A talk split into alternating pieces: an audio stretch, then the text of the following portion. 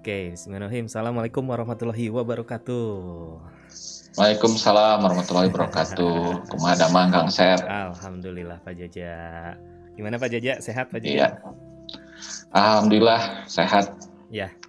Alhamdulillah ya, hari ini kita masuk uh, tanggal 25 November ya Pak Jaja ya. Jadi hari ini Betul. kita masuk di Hari Guru Nasional ya, Hari Guru Nasional karena kalau hari Iya, Guru hari bersejarah. Itu di bulan apa? Berbeda ya, bulan April atau bulan Beda beda beda. beda ya. Jadi kalau yang nasional Wah. tanggal 25, 25 November. Nah, eh, Iya. Pak Jaja, eh, gimana nih kita memperingati Hari Guru ini apa nih yang bisa kita share nih Pak Jaja nih? Baik Kang Sep, eh, ada beberapa hal mungkin saya mohon izin ya karena ini judulnya apa topiknya Kang Sep nih? Akan kita bahas. topiknya ya mungkin intinya bagaimana kita mungkin saat ini di saat Hari Guru Nasional mungkin di tahun 2020 ini tentu ada banyak hal yang selama ini tidak tidak kita hadapi ya khususnya di masa pandemi saat ini gitu ya di masa pandemi saat ini. Nah kemarin juga eh, kita sudah dengar ya bahwa insya Allah secara bertahap eh, di bulan Januari akan mulai lagi. Meskipun mungkin bertahap ya itu tentang apa eh, sekolah tatap muka kembali namun entah nanti implementasinya seperti apa. Jadi mungkin eh, tema kita melihat mungkin ya eh, dari fenomena tersebut Pak Jeja bahwa bagaimana peran pendidik gitu ya peran guru peran pendidik secara umumnya dalam eh, apa menghadapi masa depan itulah intinya gitu ya bahwa kita menghadapi berbagai banyak hal gitu ya di tahun ini. Dari mulai pandemi di- dimulai dari bahkan sebelumnya kita sudah menghadapi revolusi eh, apa revolusi industri begitu ya. Nah bagaimana sih pendidik ini bisa jadi eh, tonggak peradaban bangsa kita gitu ya tonggak peradaban bangsa kita gitu ya dari mulai eh, ya kebangkitan nasional gitu ya Sumpah Pemuda sampai hari ini kita masuk di hari eh, Guru Nasional. Begitu mungkin kira-kira Pak Jaja ya. Nah, kira-kira apa Iya. nih Pak Jaja? Pak Jaja yang bisa kita share ya di hari guru ini. Oke. Baik Kang Asep, ini saya sangat setuju dengan topik ini. Bahkan saya eh, ingin ya menekankan topik hari ini adalah guru sebagai tonggak atau pendidik sebagai tonggak revolusi peradaban bangsa Indonesia pada masa kebangkitan nasional, Sumpah Pemuda, kemerdekaan Indonesia sampai saat ini dan masa depan.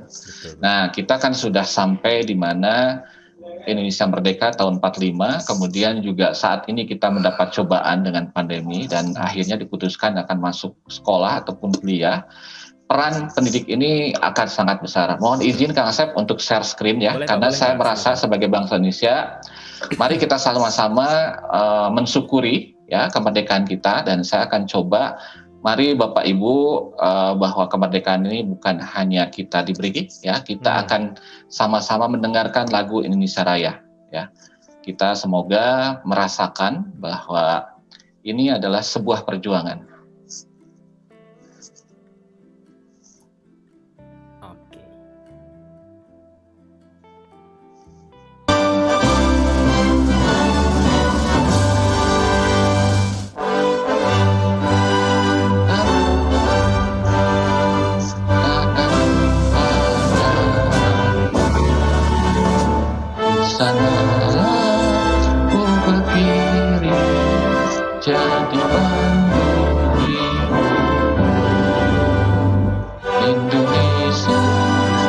Kebangsaanku bangsa dan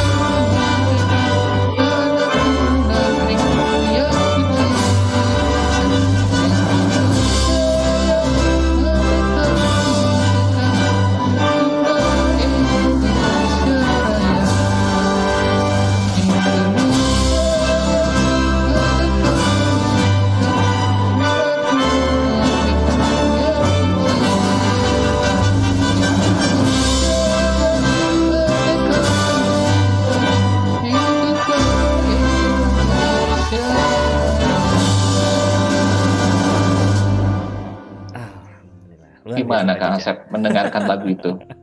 Luar biasa, Kejutan ya? Iya, iya, iya, iya. Ya. Luar biasa. Ya. Ya, jadi, Jadi intinya, Hmm.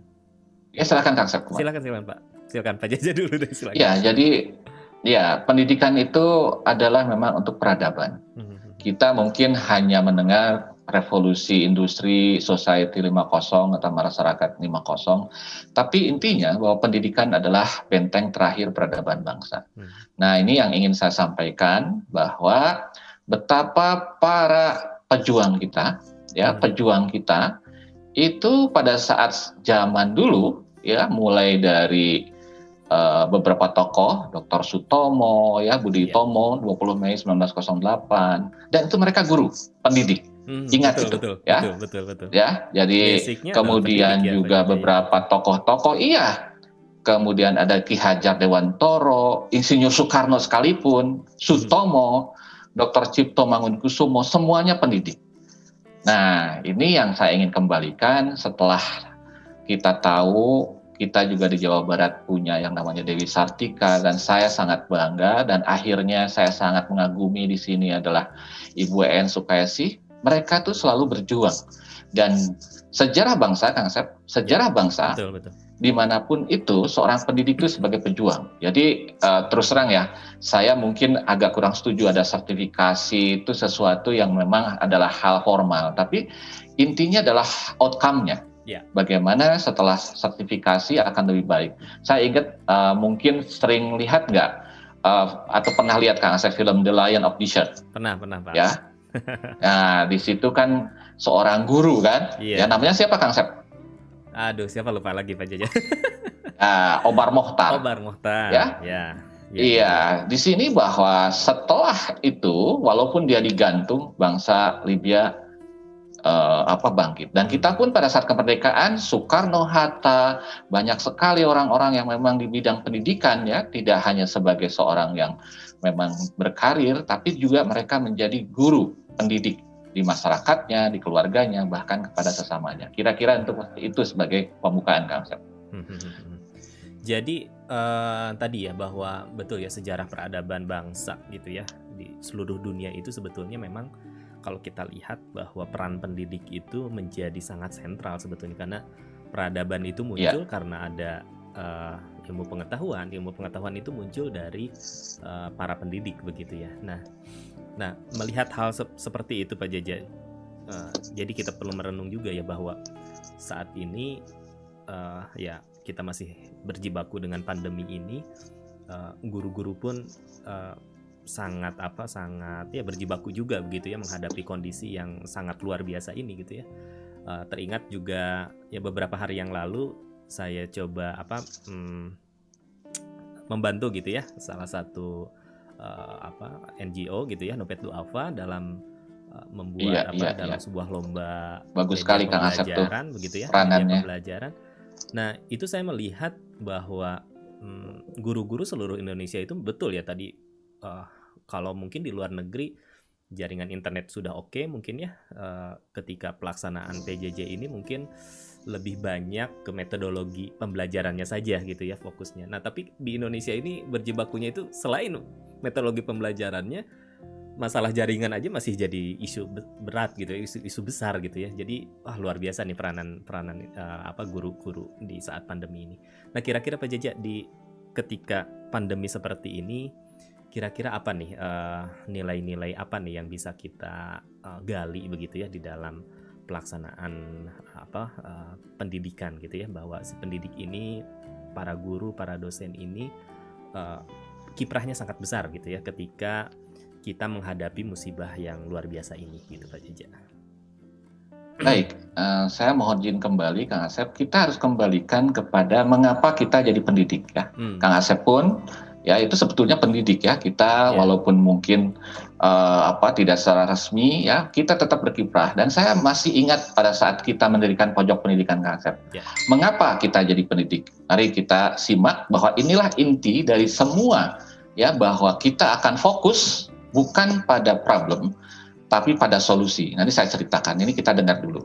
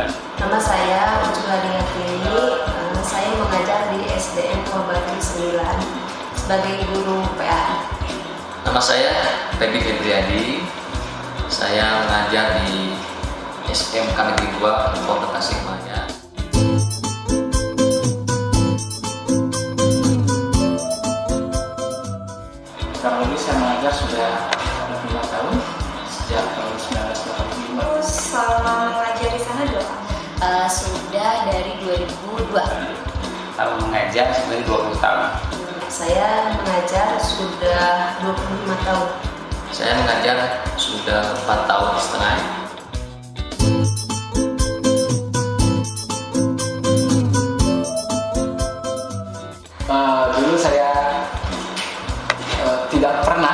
Sempat bercita-cita menjadi guru.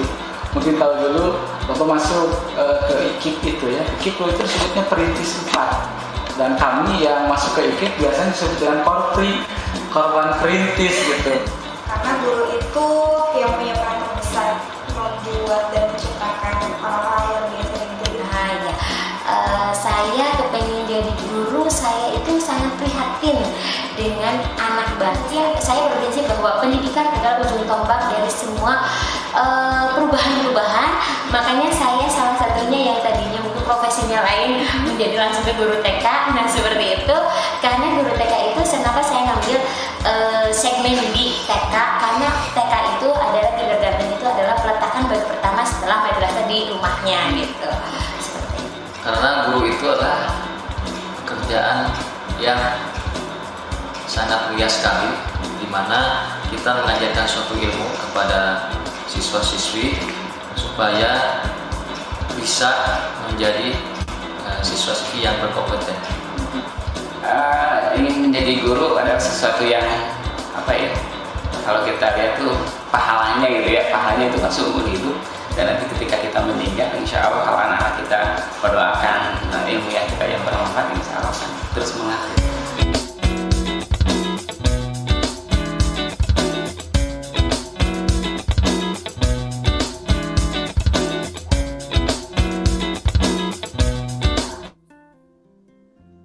Nah, kira-kira itu Kang Asep. Betapa bahwa kita harus tahu asbabun nuzul seorang guru, ya. Uh, saya juga kemarin Kang Asep uh, memberikan uh, webinar lah ya untuk Sultra Cerdas. Guru-guru Sultra nih Kang Asep. Ya, betul. Sama lah. Hambatannya sama dengan daring segala macam. Saya bilang, aku bilang, Ibu, Bapak, kita punya sahabat ya seperti Pak Iwan yang bisa dilihat di Ingenio dengan guru kunjungnya dengan Pak Ibrahim.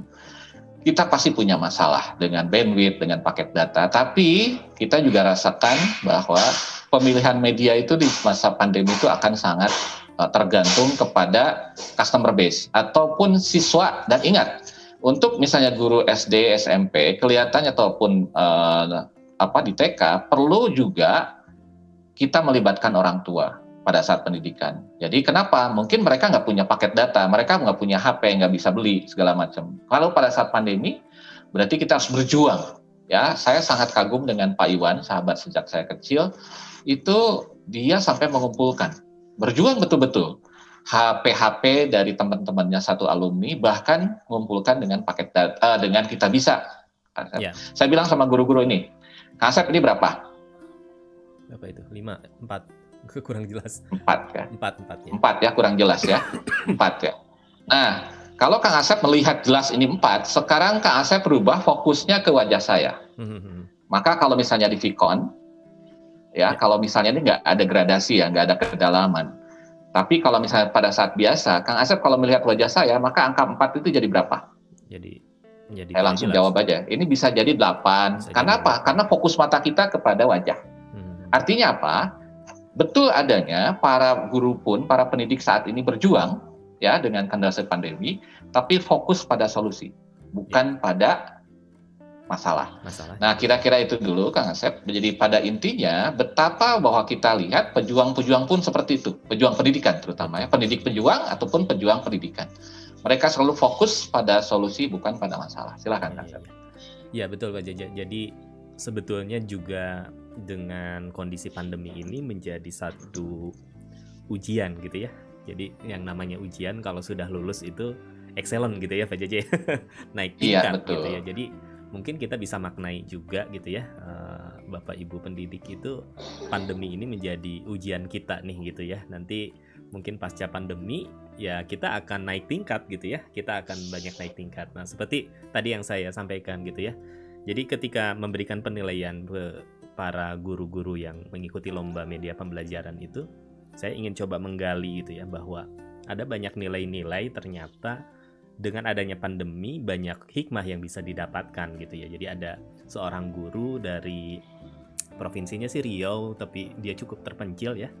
Eh, Kabupaten apa Ya, Riau Kepulauan. gitu ya. Riau Ya, dia Kepulauan ya. Kepulauan Riau kelihatannya gitu ya. Eh, beliau membuat media. Mungkin di Natuna.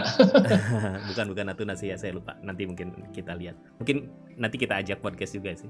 Jadi beliau itu di di di, Sip, di sip. daerah begitu ya kemudian eh, bagaimana nih gitu ya bisa pembelajaran ini bisa tetap dilakukan. Akhirnya membuat media membuat video membuat apa gitu ya banyak banyak media yang dibuat sama beliau. Dan menariknya ketika saya coba elaborasi begitu ya Eh, Ibu ini bagaimana proses eh, apa pembuatannya beliau menjelaskan dengan ya dengan khasnya beliau gitu ya. Lalu kemudian saya melihat effortnya gitu ya apa eh, perjuangannya gitu ya dalam membuat media-media pembelajaran membuat video gitu ya. Ke- Ketika saya tanya eh, sebelumnya pernah membuat seperti ini belum pernah gitu ya. Eh, dulu pernah apa pernah bikin video atau apa nggak belum pernah pernah ikutan pelatihan belum pernah gitu. Ini gimana belajarnya otodidak begitu ya.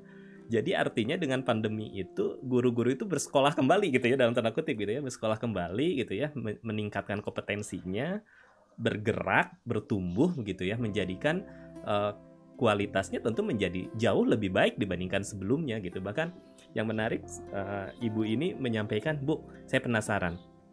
Materi ini ketika ibu menyampaikan dengan media pembelajaran video dan lain sebagainya Uh, bagaimana respon siswa? Oh, siswa jadi senang meskipun tidak ketemu, jadi seperti ketemu dengan ibu gitu ya.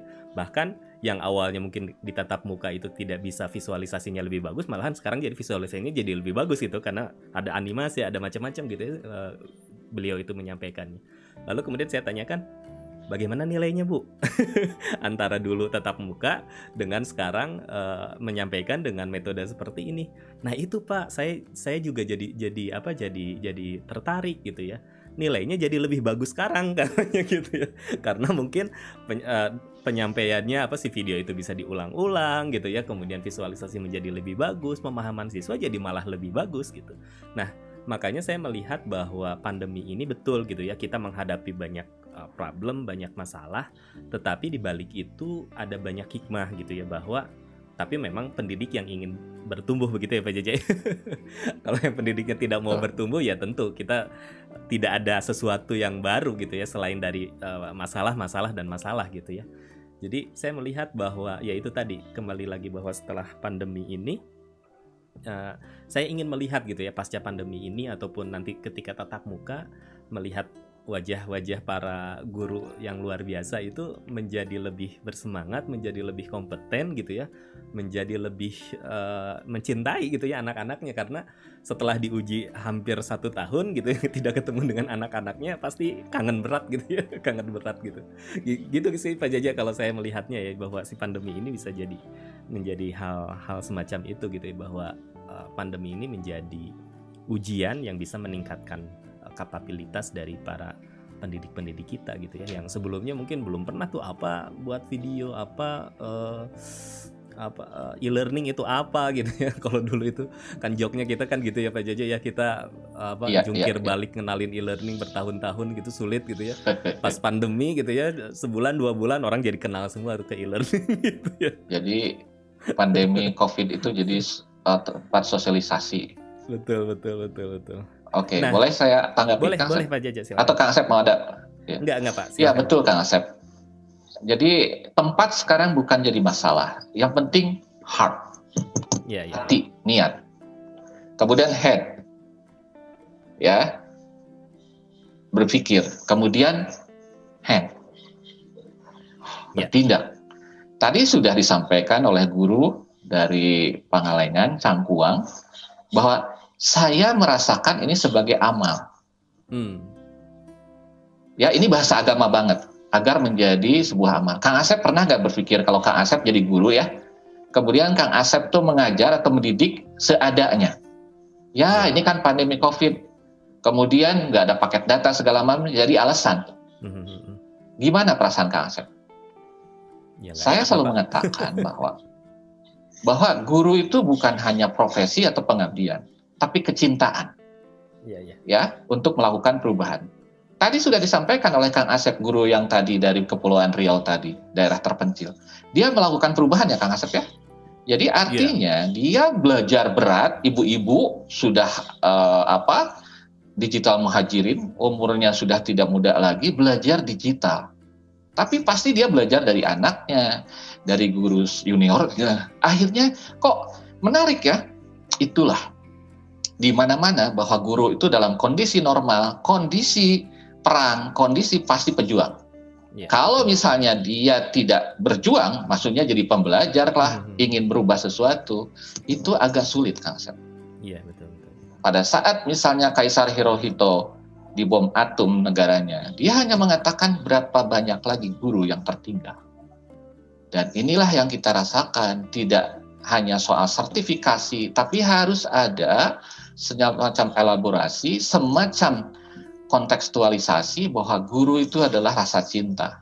Seperti yang disampaikan oleh EN Sukaisi dalam keadaan eh, lumpuh, Lumpuh. tidak bisa masuk jadi PNS, tapi dia menjadi rahmatan lil alamin. Iya, iya. Ya itu bahasa agamanya ya. Tapi dia sudah menjadi barokah bagi tetangganya sampai Presiden SBY datang ke tempatnya. Nah ini yang kira-kira harus kita tingkatkan Kang Asep Ya. ke guru-guru bahwa di mana-mana masalah itu ada. Dan saya sudah berkeliling ke Papua, ke Palopo, ke mana-mana. Bahkan saya sudah tahu dari rekan-rekan di Afrika Kang yang negaranya kelaparan segala macam. Tapi kalau sudah pendidikan, mereka itu sebagai orang tua, karena mereka juga kan pendidikan, Iya, betul. ingat itu mendahulukan dan saya juga suka bilang bahwa janganlah kalau beri rokok itu gampang tapi paket data nggak mau karena apakah kita ada pendidik Iya. Halo, mohon batuk ini deket deket deket dapur Kang Sep jadi asapnya ke sini apa-apa, apa-apa. Ada minum dulu. eh tutup minum dulu ya Pak. sebentar Iya, iya, Pak, Pak Jaja. Oke, Kang Asep silahkan Iya, aja iya. memberikan komentar dulu silahkan Iya, iya. Jadi eh, betul sih ya. Jadi dengan adanya pandemi tadi ya, teman-teman bahwa eh, kita mestinya memang ada banyak hikmah lah yang bisa kita dapatkan begitu ya. Kita bisa dapatkan. Tadi Pak Jaja menyampaikan tentang Kaisar Jepang gitu ya ketika pasca di bom atom eh, yang pertama kali ditanyakan adalah berapa banyak pendidik yang tersisa gitu ya, berapa banyak guru yang tersisa sehingga kita bisa membangun kembali gitu ya Jepang bisa membangun kembali sumber daya manusia bahkan istilahnya modal manusia gitu ya Pak Jaja ya modal manusianya bahkan Betul. dalam hanya hitungan mungkin 10-20 tahun gitu ya Jepang bisa bangkit bahkan Iya, bisa iya, setuju. lebih gitu ya lebih dari saat itu. Nah makanya eh, kita pun sama gitu ya. Kita anggaplah pandemi ini menjadi musibah bersama kita gitu ya. Tetapi bagaimana kita bisa muncul dari kesulitan itu menjadi apa menjadi sesuatu yang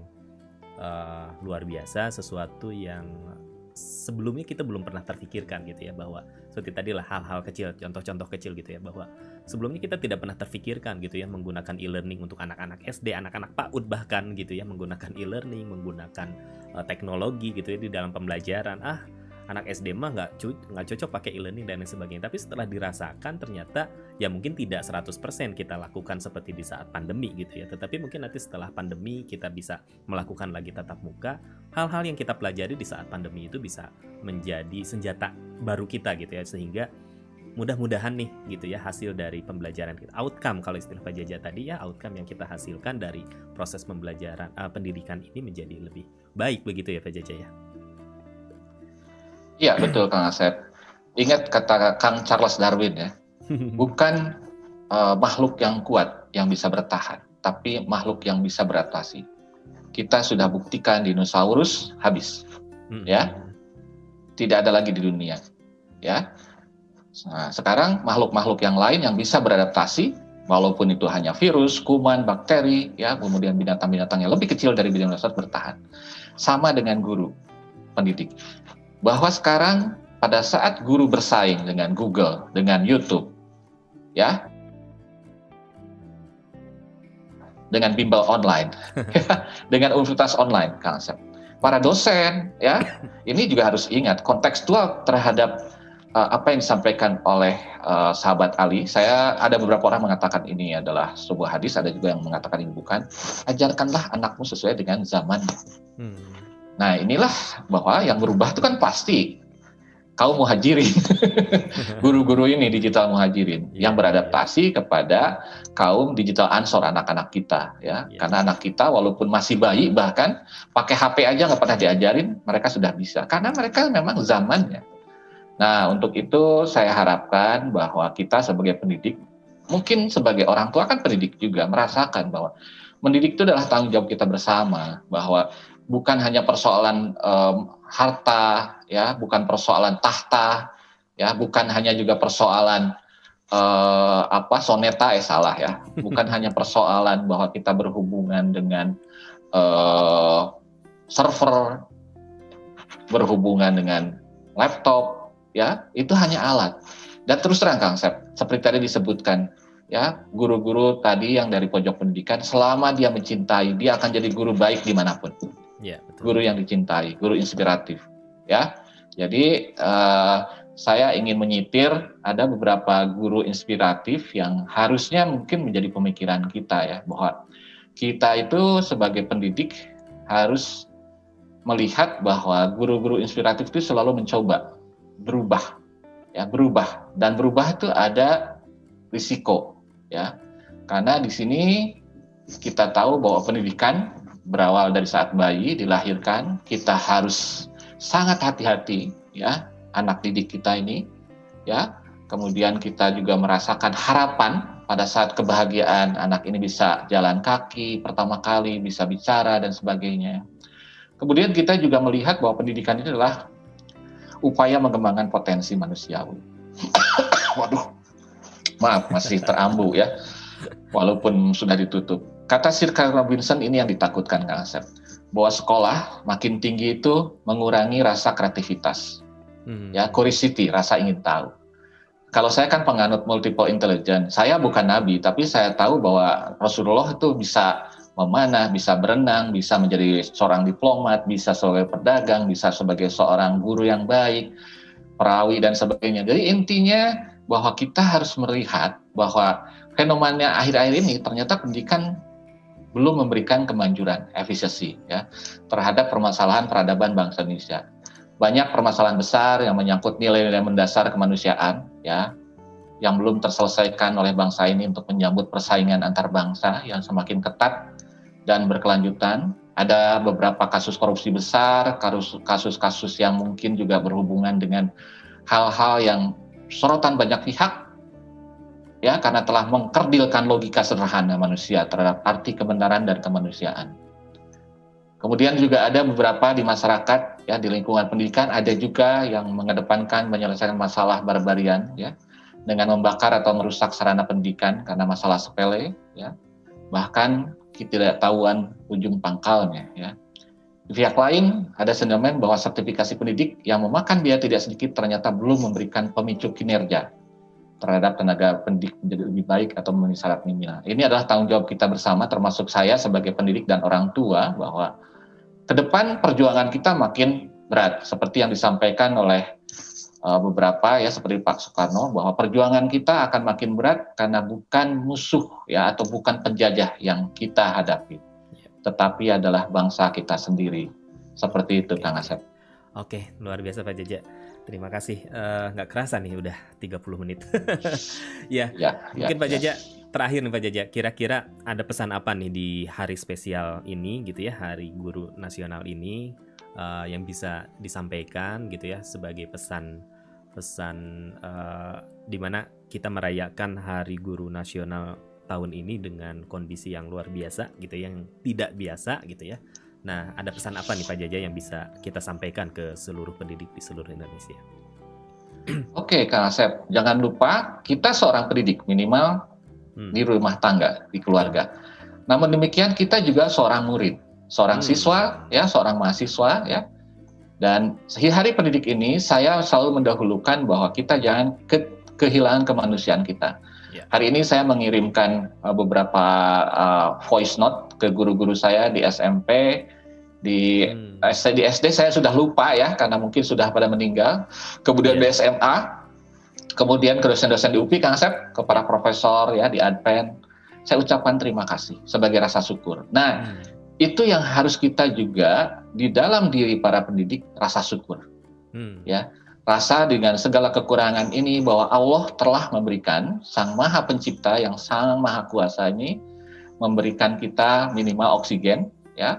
Kemudian juga hidup ini aduh mohon maaf ya yang harus kita syukuri. Dan ke depan dari rasa syukur ini kita harus tetap berjuang belajar guru pembelajar pendidik belajar, dosen pembelajar, anggap saja sertifikasi guru atau dosen itu bonus. Tapi tahu Kang Asep, kepada siapakah itu harus dikembalikan? Kepada konsumen kita, hmm. kepada rakyat yang ternyata saat ini belum memperoleh pendidikan karena harus dibayarkan dananya sebagian ke sertifikasi pendidik atau untuk membayar gaji pendidik. Walaupun itu hanya honorer, saya ucapkan hormat kepada guru-guru honorer, ya. guru-guru PNS, guru-guru di luar uh, sekolah PLS ya yang terus berusaha terbaik karena itu tadi rasa kecintaan bahwa yang mereka hadapi bukan orang lain tapi anak kita sendiri. Kita sendiri. Itu yang saya pesankan kepada pendidik ya. Terima kasih okay. Kang. Karena apa? Kita harus juga tahu bahwa pendidikan adalah benteng terakhir peradaban manusia. Oke, Pak Jaja. Terima kasih banyak uh, atas apa uh, apa pencerahannya ya di di podcast kita kali ini. Jadi sekali lagi uh, kami dari Insinyur Belajar Online gitu ya uh, mengucapkan kepada seluruh dan juga pojok pendidikan juga ya dan pojok pendidikan uh, mengucapkan kepada seluruh pendidik di seluruh Nusantara selamat Hari Guru, selamat uh, uh, merayakan Hari Guru ya. Uh, untuk para pahlawan tan tanpa tanda jasa gitu ya meskipun kita dalam kondisi oh tanda jasanya banyak kang Asep oh, rasa cinta dari anak-anaknya tidak ada emblemnya gitu ya pak ya ya dan rezeki seorang pendidik itu banyak, bukan pada dirinya betul ya betul. dan rezeki seorang pendidik ya oke okay itu bukan Baik. pada dirinya, pada anak cucunya dan saya rasakan banget.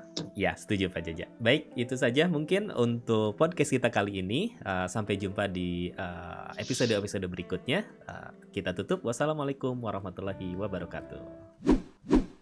Waalaikumsalam. Kang Asep, kita tutup dengan lagu boleh?